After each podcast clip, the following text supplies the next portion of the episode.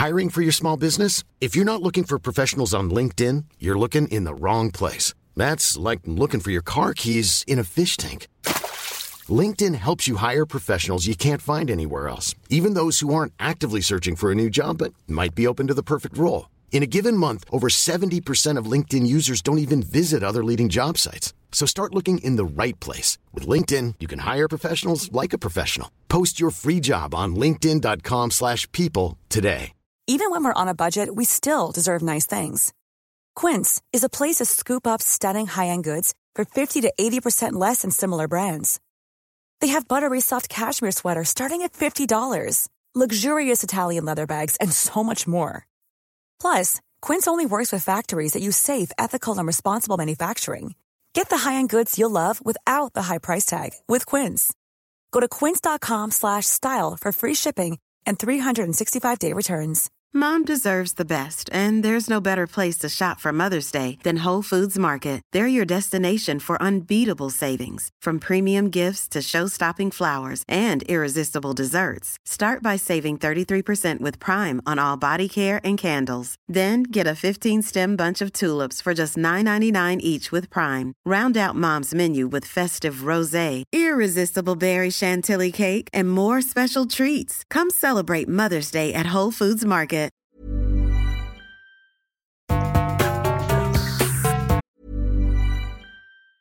If you thought the only way to get a more defined jawline with natural looking results was through surgery, think again. Juvederm Volux XC is a non surgical injectable gel filler that improves moderate to severe loss of jawline definition and can help you achieve natural looking results with little downtime. Even better, this improved definition lasts up to one year with optimal treatment. No maintenance required. Improve jawline definition for a smooth, sculpted look with Juvederm Volux XC. For important safety information and to find a licensed specialist, visit juvederm.com. That's J U V E D E R M.com. Not for people with severe allergic reactions, allergies to lidocaine, or the proteins used in Juvederm. Common side effects include injection site redness, swelling, pain, tenderness, firmness, lumps, bumps, bruising, discoloration, or itching. There's a risk of unintentional injection into a blood vessel, which can cause vision abnormalities, blindness, stroke, temporary scabs, or scarring. Talk to a licensed specialist to find out if it's right for you. This Mother's Day, celebrate the extraordinary women in your life with a heartfelt gift from Blue Nile.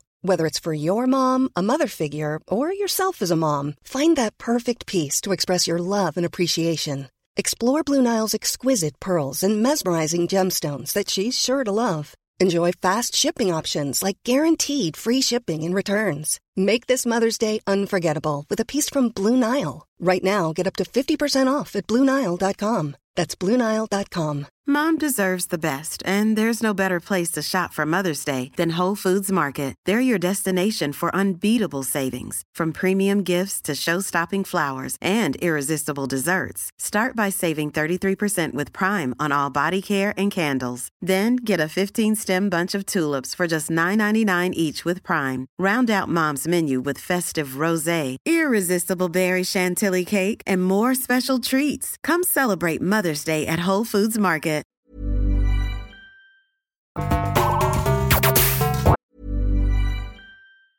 Mom deserves the best, and there's no better place to shop for Mother's Day than Whole Foods Market. They're your destination for unbeatable savings, from premium gifts to show-stopping flowers and irresistible desserts. Start by saving 33% with Prime on all body care and candles. Then get a 15-stem bunch of tulips for just $9.99 each with Prime. Round out Mom's menu with festive rosé, irresistible berry chantilly cake, and more special treats. Come celebrate Mother's Day at Whole Foods Market. Mom deserves the best, and there's no better place to shop for Mother's Day than Whole Foods Market. They're your destination for unbeatable savings, from premium gifts to show-stopping flowers and irresistible desserts. Start by saving 33% with Prime on all body care and candles. Then get a 15-stem bunch of tulips for just $9.99 each with Prime. Round out Mom's menu with festive rosé, irresistible berry chantilly cake, and more special treats. Come celebrate Mother's Day at Whole Foods Market. Planning for your next trip? Elevate your travel style with Quince. Quince has all the jet setting essentials you'll want for your next getaway, like European linen, premium luggage options, buttery soft Italian leather bags, and so much more. and is all priced at 50 to 80% less than similar brands. Plus, Quince only works with factories that use safe and ethical manufacturing practices. Pack your bags with high-quality essentials you'll be wearing for vacations to come with Quince. Go to quince.com slash pack for free shipping and 365-day returns.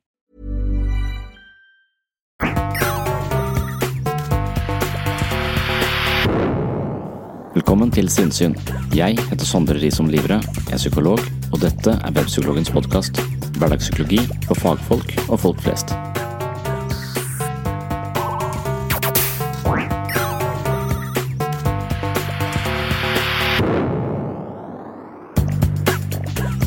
Jeg lest romanen Så mye hadde jeg av Trude Marstein. Det er den beste romanen jeg har lest på mange år. Som forfatter har Trude et uhyre skarpt blikk for alle de små, men betydningsfulle tingene som oppstår rett foran nesa på oss nesten hele tiden, uten at vi nødvendigvis legger merke til det. Trude Marstein lodde dybden i levd liv på samme måte som en vinkjenner beskriver alle nyansene i god vin. Denne boken er et gigantisk maleri av Monica fra hun er 13 til 57 år. Sjelden har en roman satt så dype spor i meg, og den er både kritikerrost og prisbelønna. Jeg var så heldig at jeg skulle lese denne boka med den hensikt å snakke med forfatteren på et arrangement som heter Fakta om fiksjon. Jeg ble invitert av Irene Gressli Haugen, som jobber for Norsk Forfattersentrum på Sørlandet. Arrangementet gikk av stabelen 5. februar 2019 på teatret i Kristiansand til full sal. Mange kom for å kjøpe billett, men måtte snu i døra. I dagens episode skal du få være med til teatret og høre samtalen jeg hadde med Trude Marstein og Irene Gressli Haugen som ordstyrer. Jeg anbefaler å lese boken, men det er ikke nødvendig for å få noe ut av denne samtalen. Boken er utgangspunktet for samtalen, men vi skal snakke om mennesker, relasjoner og vanskeligheter ved levd liv, noe de fleste vil kjenne seg igjen i. Boken til Trude Marstein handler om Monica, og vi følger henne fra hun er 13 til hun er godt voksen.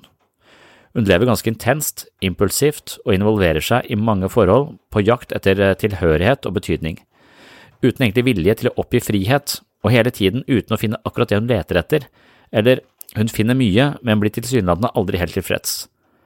Det er som om hun alltid er på jakt etter noe nytt, og da går glipp av kvaliteten ved det hun har. Tittelen på vår samtale var i tråd med dette, Det moderne begjæret etter alt. Forholdene til hovedpersonen Monica er mange og ender ofte i utroskap. Roar, Tollef, Øystein, Geir, Trond Henrik og Lars. Med Geir får Monica datteren Maiken, men også det forholdet tar slutt, og Maiken blir et vanskelig barn, en enda vanskeligere tenåring. Ved romanens ende er Monica en middelaldrende kvinne i slutten av 50-årene. Foreldrene er døde, datteren er voksen. Hva slags liv har hun levd? Hva sitter hun igjen med? Et sted i romanen oppsummerer Monica det slik. Alt jeg hadde, kunne jeg mistet det? Ja, det var mulig. Men var jeg redd for å miste det? Definitivt. Men da sto redselen og lidenskapen og stanget mot hverandre. Velkommen til Sinnsyn og Fakta om fiksjon. I dag skal du også få møte en av Norges desidert beste forfattere. Etter å ha lest den siste boken hennes, Så mye hadde jeg, og møtt henne til samtale på teateret i Kristiansand, så skjønner jeg godt at hun rangeres på et absolutt elitenivå som skjønnlitterær forfatter. Jeg gledet meg virkelig til denne samtalen, og jeg ble ikke skuffa. Mitt navn er Irene Gressli Haugen, og jeg er leder for Norsk Forfattersentrum Sørlandskontor. Forfattersentrum er arrangør for denne eh, arrangementsrekka, som dette arrangementet er den første ut. Fakta om fiksjon. I Fakta om fiksjon så lar vi romanforfattere møte fagpersoner til samtale om et tema de skriver om. Og i kveld er det forfatter Trude Marstein som skal i ilden. I 1998 fikk Trude Marstein Tarjei Vesaas debutantpris for prosasamlingen 'Sterk sult, plutselig kvalme'. Senere har hun utgitt romaner, essays og en barnebok, og hun har mottatt flere priser for sitt forfatterskap. Hun har i sine bøker lykkes i å avsløre spriket mellom den nærhet, omsorg og kjærlighet vi ønsker skal være mellom mennesker, og alle de trivielle, forbudte og gale følelsene som ligger under overflaten når mennesker møtes. For romanen 'Gjøre godt' fikk hun Kritikerprisen. Ja, kan ikke ramse opp alle prisene. Det, da får vi ikke tid til temaet. Eh, vil bare avslutte introduksjonen med å sitere Bjørn Gabrielsen, som i eh, Dagens Næringsliv skrev 'Hvorfor lese romaner?' Svaret kan være Trude Marsteins 'Så mye hadde jeg'. Det fortjener en applaus, syns jeg.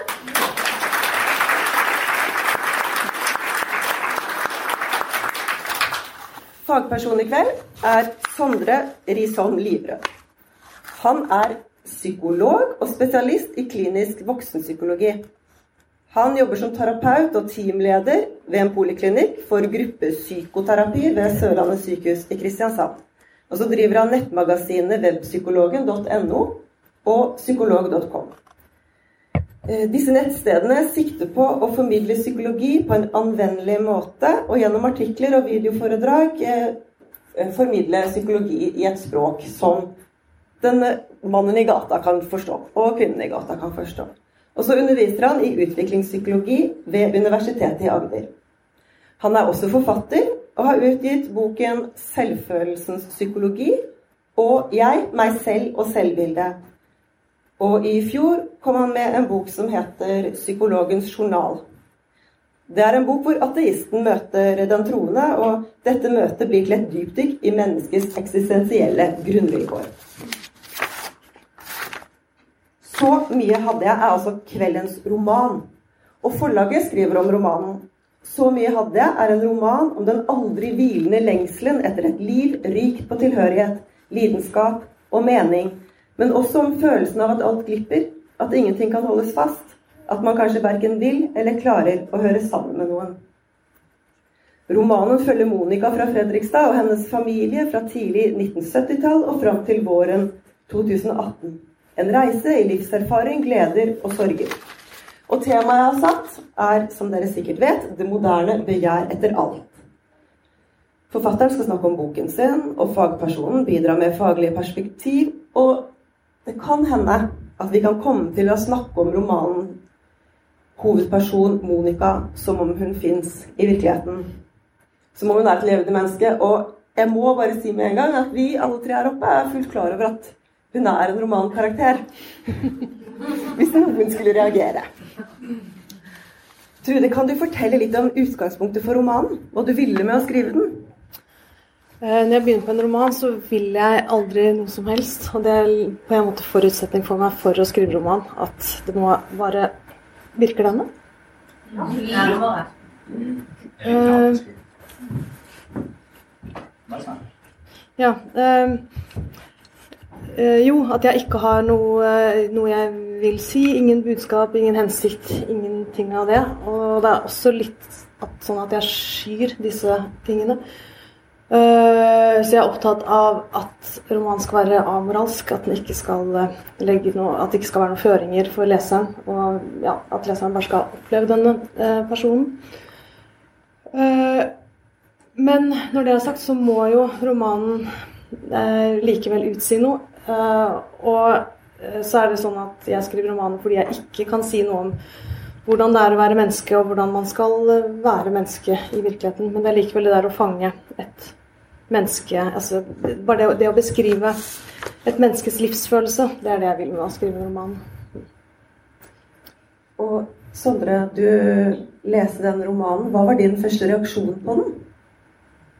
Ja, Det første jeg leste, var den samme anmeldelsen som du, du siterte der. Mm. At dette er grunnen til at man leser skjønnlitteratur. Eh, og så tenkte jeg at det var litt voldsomt. For jeg hadde ikke lest noe annet eh, før. Så dette var den første Studien Marstein-boken jeg leste. Eh, men jeg skjønner det. Eh, jeg skjønner hvorfor det står der. Og det er sikkert mange grunner til at man leser eh, romaner. Jeg, jeg har en tendens til å lese sånn type Gert Nygaardshaug fordi han er opptatt av bevissthet og hva som skjer hvis bevisstheten plutselig bare forlater kroppen. Sånne spørsmål, sånne filosofiske spørsmål som gir en sånn type innsikt. Men det var jo ikke dette. Dette, dette var altså, jeg følte dette, dette var som en sånn noen ganger så ser jeg på TV og så sier det, det jeg ser på TV, det er eh, Lars Monsen går på tur, eller folk som smaker på vin og kan det. De beskriver det på en sånn måte at jeg får en opplevelse av det, den vinen som ikke jeg hadde hatt tilgjengelig for meg i det hele tatt. da. tidligere. Og det er litt det samme jeg får når jeg leser denne boka. altså Jeg, jeg syns det var helt utrolig fascinerende hvordan det er dette ekstremt skarpe blikket på alt som foregår i bevisstheten, dukker opp fra det ene øyeblikket til det andre. Og så, ja, og så er det ikke noen føringer. det er ikke, Den er amoralsk, som du, som, som du sier. Så det, jeg må liksom det, det, er et, det er et rent sånn uh, fenomenologisk perspektiv her. Bare dette det er det som er her. Og så alt det som blir lagt merke til, det gjør for at jeg også begynner å legge litt mer merke til i mitt eget liv. Akkurat som jeg drikker den vinflaska jeg så et program om tidligere, så, så, dukker disse tingene opp. Jeg vet hva jeg skal se etter, da. Så det er litt sånn jeg, når jeg leste den, at jeg begynte, jeg begynte også jeg, jeg, prøver å se litt, litt mer etter, oppleve litt mer fra det ene øyeblikket til det andre. Så, så, for meg så er det nesten Det, det ligner litt på mindfulness, det ligner litt på meditasjon. En slags observasjon av det som foregår uten å dømme det hele tiden. Det foregår, og du er oppmerksom istedenfor å være middag eller tenk på det, nei, nå ser du meg. Alt det andre kjøret. Så, så hvis Jeg syns ikke denne karakteren Monica er spesielt mindful eh, i det hele tatt. Men den som har skrevet om Monica, har et mindful perspektiv på det som foregår, på en måte. Det, det vil være min eh, opplevelse av det. Og det syns jeg var ekstremt fascinerende. Ja. Jeg skjønner hva du mener. Det er en sånn helt sånn på setningsnivå sånn, et sånt blikk på verden så, og på karakterene som er veldig fascinerende. Men var så hvordan bygde du opp denne Monica, som jeg føler at jeg kjenner etter å ha lest denne romanen? Uh, når jeg bygger opp en person, så har jeg heller ingenting. Jeg har begynt fra absolutt Altså, jeg har ikke noe jeg har ikke noen person til å begynne med, og jeg har ikke noe tematikk. Eh, jeg er ikke noen temaforfatter, så jeg ja, skriver bare om, om eh, livet. Men, så jeg må bare skrive om henne fra alle mulige forskjellige vinkler til hun begynner å ta form. Og jeg begynner å bli kjent med henne. Og det er litt den klisjeen som altså jeg, jeg, vet at hun er en fiktiv person, og, men det er litt den klisjeen at hun begynner å leve sitt eget liv. Uh, og da er det egentlig litt følelsen av at hun faller inn i et mønster som vi alle kjenner. Og jeg tenker at min menneskeinnsikt er veldig gjennomsnittlig, men at det dreier seg om å bruke det vi alle vet da, om det å være menneske. Uh, og det, jo, det er jo enormt mye arbeid. Det er jo hardt arbeid. Stå opp tidlig om morgenen og sitte time etter time etter time etter time i veldig mange uker og måneder og ja, til og med år. Uh, men uh, jeg har ikke Altså, jeg har hørt om forfattere som, kan, som skriver uh, en bunke kort til hver uh, karakter, hvor de har yrke, egenskaper, preferanser osv. Jeg kunne aldri gjort det. Men jeg må likevel til en viss grad tvinge meg til å gi henne en del egenskaper, rekvisitter, relasjoner til å begynne med, for å bare ha noe å skrive om. Og da må jeg ta skylapper på meg og innbille meg at dette blir vesentlig og godt. Og det blir det ikke. Så en av mine evner som forfatter er evnen til å skrive dårlig og uvedkommende. Inntil det begynner å bli interessant. Da. Men alt dette som jeg da eh, har gitt henne av egenskaper og relasjoner, det skifter jeg ut flere ganger underveis. For, eh, fordi hun må ta form av seg selv. Eller altså hun må, hun må, bli noe som kunne vært et ordentlig menneske. Da. Eh, var det noe øyeblikk hvor du kjente at det, liksom, her har jeg denne personen Sånn skal hun være. Dette er en romankarakter som Dette, kan stå det, Den følelsen fikk jeg på en måte 130 ganger sånn, i en lang prosess. Da. Og så eh, kunne jeg fortsatt og fått det 50 ganger til, på en måte, og da ville den sikkert blitt overarbeida og altfor lang, og, eller hadde strøkt for mye, eller ja. Så jeg må på en måte bare sette Jeg er veldig god til å holde meg til deadlines, har veldig respekt for, for det. Så derfor så må boka, bli jo boka ferdig når den skal. Um, men eh, ja, så jeg har eh, lite planer til å begynne med. Lite, lite, jeg sitter ikke med noen disposisjon og, og, og vet hvordan, hvordan, dette skal ende. Og jeg, har, jeg, kan ikke begynne med begynnelsen, for da kjenner jeg henne i hvert fall ikke. Så jeg må ja, skrive veldig mye på kryss og tvers og litt sånn i lag på lag. Da, sånn at hun først er en sånn skisse, og så blir hun tydeligere etter hvert. Når, når en eh, når, Nå husker jeg ikke om det er noen type Geir kommer ut fra badet. Mm. Uh, og da, da Jan Olav. Jan Olav Svogeren til Monica, ja. Og, mm. Ja, han, han, også har beskrevet det. Men det er noe sånn at det, ja, han, han lukter um, en bitte lite grann avføring, etterbarberingsvann, tyggegummi og surt tøy. Eller, eller, eller et eller annet sånn, eh, En kombinasjon av lukter eh, det, det, å legge merke til eh, det er litt som de som snakker om vin, snakker om vin. ikke sant? Og alle disse tendensene i denne vinen som ingen av oss andre egentlig legger merke til. Gjør vi? Altså, Ja, jeg har hørt at noen snakker om bleie faktisk som en sånn bestanddel i vin. ja, ja, ikke sant? Ja, litt bleie. Ja. Men, men så, så, så, og det, akkurat når jeg leser de passasjene, så tenker jeg litt stress å møte hun der. Eh, det, det, den lukter deg. I tillegg til at hun ser deg. Og hun vet så, så noen tenker at ah, det er litt stress å møte psykologer, for de ser rett gjennom deg. Psykologer tror jeg ikke ser noe som helst. Jeg, jeg, er litt redd for noen, jeg er litt redd for dette blikket, og så er jeg litt redd for uh, kroppsorienterte psykoterapeuter. For de er veldig opptatt av hvordan du tar kroppen din hele tiden, og hva det betyr. Det stresser meg også litt. Hva, hva jeg gjør. Men, men det der at du kan lukte meg Eller hvis du kan, det vet jeg ikke, men Monica kan i hvert fall. Ja, for det, ja, unnskyld. Ja. Nei, det øh, Jeg veit jo ikke om Monica faktisk tenker alle disse bestanddelene. Altså, det gjør hun jo der og da. Men dette med øh, Altså, jeg vil jo gjengi hennes opplevelse av å være til i virkeligheten. Og som du sa i stad, veldig fint det der. Og, og hvis man kan kjenne den samme opplevelsen, så tenker jeg at jeg har lyk lyktes. Men øh, samtidig så er det noe som et stort paradoks, fordi at uh, Monica er ikke så skrivefør som jeg er, i all ydmykhet.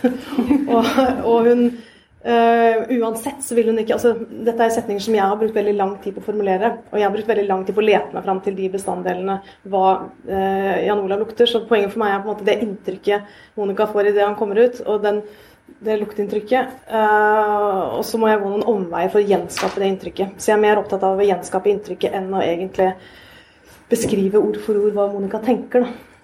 Uh, så jeg Jo, Monica er nok en som har mye forakt og ømhet, kanskje litt mer forakt for mennesker. Uh, selv så har jeg Altså, jeg har jo hørt dette mange ganger opp gjennom årene etter jeg ble forfatter, og folk som har trodd at jeg sitter og vurderer og, og lagrer. Uh, det gjør jeg altfor liten grad. Jeg skulle ønske jeg gjorde det i mye større grad. Uh, jeg kan sitte ute en hel kveld sammen med noen og drikke vin og komme hjem etterpå og ikke huske hva de hadde på seg. Så det er mer at jeg sitter i skrivesituasjonen og forestiller meg. Og da har jeg vel uh, lagret ting da, som jeg ikke er klar over der og da. Men det du skriver om Monica, det er at hun oppfatter disse eh, tingene. Eh, luktene, luktbildene, eh, smuler på kjøkkenbenken, kliss på marm... Altså, hun er jo veldig eh, sanselig utover. mm. Ikke så veldig sanselig innover. Er du enig, Sondre? Eller Trude? Ja, det er litt Det har jeg funnet ut. Jeg har alltid gjort det litt på den måten. Jeg bruker mye fysiske detaljer eh, som for å skape inntrykk, vise, hele tiden utvide inntrykket av eh, faktisk personer og relasjoner og, og situasjoner. Og, og jeg har funnet ut at hvis, man, hvis jeg først lanserer en følelse, nesten bare antyder en følelse, så vil den følelsen forsterkes og vokse hvis jeg bare går helt bort fra den og bare beskriver omgivelsene. For da er den der allerede. Eh, og så lenge jeg ikke tar den bort eller avkrefter den. Eh, Så det er jo det der å gni inn hva folk føler, det blir jo sjelden interessant litteratur. Eh, Men ja. Jeg, hadde vel, jeg sitter ikke igjen med det inntrykket at Monica er så veldig oppmerksom, på en måte. At hun ligner mer vanlige folk som bare men, men det er ikke som at Så det er mer fortellerstemmen her som maler et bilde, snarere enn å Ja, det, det, det, det males et bilde med som er ganske mange dimensjoner i. Til og med lukt uh, er i det bildet. Så jeg, jeg har ikke noen sånn oppfølging at hun alltid opplever alt som er i det bildet. Men, jeg, men vi ser hele det, det bildet. Eh, ja, så, så jeg tenker, hvis hun hadde sett det selv, hvis hun hadde vært like oppmerksom i eget liv, så hadde hun oppdaget det vi oppdager, om at på side 320 så hadde du så kjærlighetssorg og var så nedfor, og du skjønte ikke meningen med noe som helst, mens fire sider senere så går det helt bra. Så, og sånn er livet, det glemmer man. ikke sant? Men hvis alle hadde husket på at alt er så temporært, da, at jeg barn omvendt, den forelskelsen kan komme til å gå over. ja, ikke sant? Ja, så, så, så det derre øyet Hvis hun hadde hatt dette perspektivet, så hadde hun ikke hatt noe Så hun ikke, hadde jo ikke lidd så mye som hun lider, på en måte. Ja, men jeg føler når jeg leser at hun er liksom Hun er utover, og hun er framover. Ikke så veldig mye her og nå, egentlig. Ikke, sånn, ikke så veldig mye introspeksjon eller selvkritikk som går så veldig dypt. Nei. Er du uenig? Ja, nei, hun virker jo litt sånn Hun virker litt impulsstyrt, på en måte. Ja, altså, hun, hun er sånn, sånn patologiaktig, så er hun, hun har sånn kaospatologi. Eh, mens, Ja, hva betyr det? Ja, det betyr liksom at eh, hun det betyr at hun har en fiksering av analstadier, eh, ifølge Freud. Eh, og at, eh, hun, så da blir du enten sånn innmari opptatt av kontroll og orden, eller så bare flyter alt, eh, alt ut. da. Mens eh, eh, ja, så hver- Hvert stadie har sin oralstadie. er mer sånn der du regulerer følelser og putter ting i munnen og slutter å spise for å kontrollere ting. Eller, altså, så, så hun virker hun, hun virker som hun, øh, hun søker Eller hun, hun er drevet av kaos hele tiden. Så hvis, hvis alle mennesker på en måte befinner seg mellom kaos og, og orden, da, eh, så, så, så tipper hun så mye over i kaos så ofte at sånne nevrotikere som meg, som liker å være mer på kontrollsiden, blir stressa av henne. Eh, og, og, og, og tenker Faen, det livet hadde hjerteinfarkt eh, i en alder av 23, liksom, hvis jeg hadde levd så sterkt eh, som, eh, som hun lever. Eh, samtidig som kaoskrefter, der oppstår det nye ting, på en måte. Og det er, det er jo impulsivt, det er jo livskraftig, og, det, og, og mørkt og trist, og det er sterkt. Mens eh, når man havner i kaos, så, så vil de fleste av oss prøve å rydde litt i dette, dette kaoset. Noen er så opptatt av orden og, eh, og er så redd for kaos at det skjer aldri noe nytt i livet deres. Så det er det jeg føler hun anklager Jan Olav eh, og, og, og Elise for, f.eks. At det, Ja, de er søsteren og sånne svogeren. Ja. Så ja. Eh, Hvor vil du plassere den på en sånn livsdyktighetsskala? ja. Hun ja, hvor dyktig hun er til å leve, men, men jeg liksom. tenker mer, hvor Ja. er hun eh, innenfor normalen når det gjelder eh, å, å takle livet sitt, liksom? Eh, burde hun vært hos psykolog?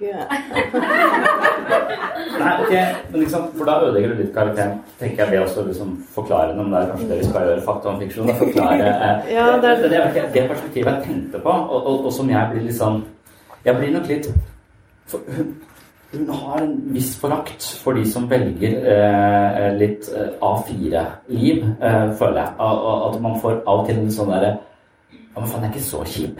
Eh, eh, lyst til å si til henne noen ganger. Eh, Samtidig som jeg lever også inn i henne og kjenner henne igjen og føler av og til at hun kom så tett på meg at jeg ikke visste om det var problemer med dattera mi eller om det var problemer med Maiken. Og så følte ikke i hverandre. Så jeg, så jeg var ekstremt uro som jeg ikke visste om tilhørte meg eller om, om min situasjon, eller om det egentlig kom fra boka. Så, så det var så sterkt Det, det ble blurry for meg. Det, det tenker jeg det var et tegn på utrolig godt skrevet, uh, uh, skrevet bok. Men, men det jeg tenker på, er at det, det, du har kalt det den uh, begjær etter alt. Og, og det tror jeg liksom hele samfunnet vårt er bygd opp på. At vi hele tiden fokuserer på hva som mangler. Og det er hele kapitalismen på en måte det er bygd opp på å hele tiden vise oss mangler, sånn at vi skal få gjøre noe de kjøper noe, sånn at de mangler bare får den karrieren, kommer hit og får gjort det hele tiden. Og hele tiden ha noen At vi hele er i en mangelposisjon og hele tiden føler at det skulle vært annerledes. Og når vi hele tiden har det fokuset, så blir jo alt det vi har, eh, ganske trist. Og, og vi bader livet i en sånn lang misnøye. Så, så de radikale folka er kanskje ikke tilfredse. Altså, hvis du, er, hvis du er skikkelig radikal og virkelig lurer systemet, så er du kanskje tilfreds. Altså, for da, da, da, da kollapser hele driten. Det er ingen som kjøper. Hvis folk er tilfredse, så trenger de ikke noe fra andre. Trenger ikke dine oppmerksomhet og alt det her. Jeg er bare, da har du ofte mer å gi. da. Du er mer i balanse. Du skal ikke hele tiden ha noe. Du er ikke egosentrisk orientert. Du er kanskje mer orientert utover mot andre mennesker. Og det er kanskje da den der ekte forbindelsen til andre oppstår. da. Så, Ja, for det kan vi jo ikke påstå at Monica er særlig tilfreds eller i ro.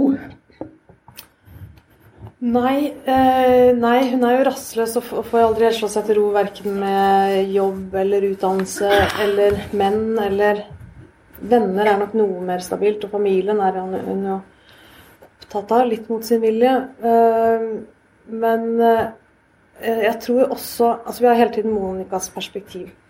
Og jeg tror at hun fokuserer mest på eh, seg selv og livet sitt når det er frustrasjon, rastløshet, eh, fortvilelse. Og at det kanskje er mindre dveling der hvor ting er fint og harmonisk og idyllisk. Eh, tror jeg kanskje. Og så har hun Og så er det jo også det med eh, at det er hennes, hennes blikk på seg selv som ikke er noe formildende på noen måte. Hun vet ikke at hun har lesere. eh, og det er, ikke, det er et veldig ekte bilde, det er ikke et forskjønnet bilde på noen måte. Og jeg har heller ikke falt for fristelsen til å redde henne på noen måte. Så hun, hun er overlatt veldig Det tenker jeg det er min oppgave som forfatter å avstå fra det. Så hun er veldig overlatt til seg selv. Leseren er overlatt til seg selv. Um, ja, nå snakket jeg meg kanskje litt bort fra, fra uh, Nei, jeg syns du svarte helt, eh, helt fint på det. Men jeg har lyst til å gå litt sånn videre, for jeg opplever at eh, trivielle ting blir så eksistensielle her. Altså eksempel så sitter hun sammen med en fyr, og så vil han drikke rødvin til laks. Ja. Og så kan jeg virkelig være sammen med en fyr som drikker rødvin til laks. det er liksom og, så, så, og, og det på en måte blander seg litt med den opplevelsen jeg har av at hun ser hele tiden framover. For det er ikke bare akkurat der og da de skal drikke rødvin til laks. Det er liksom resten av livet. Er det sånn livet skal bli nå? Rødvin til laks. Kjenner du det igjen? Ja øh, øh, Men jeg vet ikke hva jeg skal tenke om det. Uh, hun er øh, Altså jeg, jeg, har ikke, jeg, har ikke, vært bevisst på det der å, å si noe om mennesker, hvordan mennesker lever i dag osv. Og, har det, altså den moderne livsfølelsen og sånt. Men, men, jeg liker jo at andre sier at jeg har fanget den, eller at hun, at hun er en representant for den. Uh, men det er derfor jeg skriver romaner og ikke uttaler meg om mennesker og samfunnet på andre måter. Det vil jeg ikke være i stand til heller. Um, men jo, er, det er jo den at hun alltid er uh, utilfreds og alltid har altså, altså at det er å maksimere livsfølelsen. At det alltid kan være andre ting hun ønsker seg, andre steder hun ønsker å være. Og så er det vel også noe med en viss sånn selvforakt som hun vel aldri vedkjenner seg, og som jeg aldri helt har vedkjent meg at hun har heller, men som jeg sitter og gjør det her nå. Men, men som hun fra, altså hun, Romanen begynner på et sånn veldig fortvilt sted hvor hun er 13 år og har oppført seg på verst tenåringsaktig måte og føle seg liksom forhatt. Og da ligger ikke den uh, lindringen av den fortvilelsen i tanken på at de kommer til å tilgi henne, hun kommer til å få kjærlighet igjen, men mer der at hun en gang skal Altså at uh, eneste trøsten ligger i at hun kommer til å forandre seg og forandre seg og fortsette med det hele livet. Og at hun en dag skal forlate dette stedet, og kanskje hun ikke engang vil ønske å komme tilbake på besøk. Det er det, det, der den største trøsten ligger, da. Eh, så det er eh, mye det der å hele tiden forflytte seg. Og, og det går, følger henne gjennom hele livet. Men jeg tror at dette er det nærmeste jeg har kommet til å skrive en roman med happy ending, selv om det ikke akkurat er sånn skrikende happy. Så, så, her, så er det Nei, ja, så får håpe at hun blir med han. Hun er jo bare 58 når romanen slutter, så det er mange år igjen og sånn. Men, øh, men da Jo, hun er, nok, hun er nok mer harmonisk og mer på plass enn hun har vært på noe tidspunkt tidligere i livet. Og hun jobber som lærer, som hun ikke taklet så bra tidligere i livet, mens nå gjør hun det uten for høye ambisjoner og ja, ganske på plass og i ro. Så noen ganger hun lever litt sånn livskraftig fordi hun hele tiden er på vei videre, og hun er der, og, og, og hele tiden nye forhold. og og så kunne man si hvis man da uh, er hun livsdyktig, spurte hun, eller hva, hva er hun liksom på, på, på skalaen i hvor, hvor, god er hun til å leve? Så, så da, det kan man jo eh, Det er nærmest et empirisk spørsmål. Hvor, men, og, man kan tenke seg ut ifra um, det der moderne begjæret etter alt. altså den, den boka til Bjørn Svart som har skrevet om the paradox of choice, altså valgets paradoks. Altså vi har en idé om at å ha så veldig masse valg gjør oss lykkelige og frie. Og så har hun Kaja Melsom også skrevet om den fordømte friheten eh, nå. Som, så det er en hel del ulemper med å ha veldig mange, mange valg. Og de som faktisk rapporterer å ha det best, er de som innskrenker valgene sine. Så, så det å å leve et godt, langt liv uten for mye sykdom og faenskap, er ofte rapportert hos de som har gode relasjoner, varige eh, eh, relasjoner.